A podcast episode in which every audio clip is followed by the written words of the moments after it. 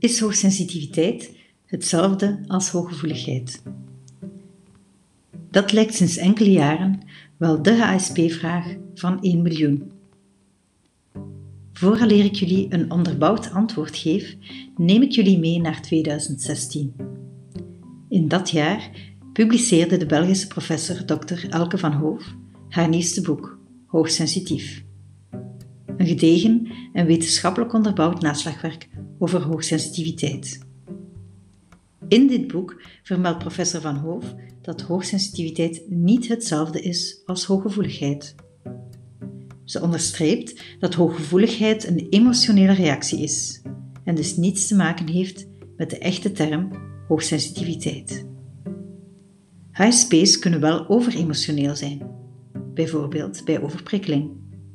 Maar dat is, zoals jullie wellicht al lang weten, niet de kern van de eigenschap.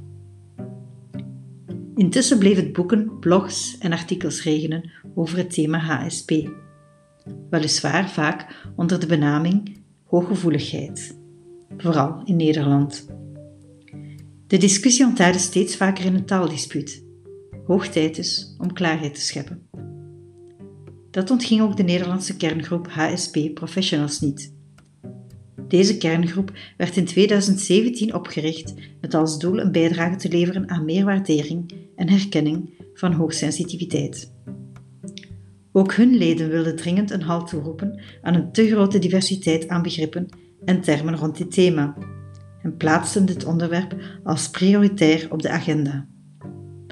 Samen met professor Elke van Hoof kwamen ze in februari 2018 unaniem tot een standpunt. Vanaf dan konden beide termen uiteindelijk als gelijkwaardig worden beschouwd.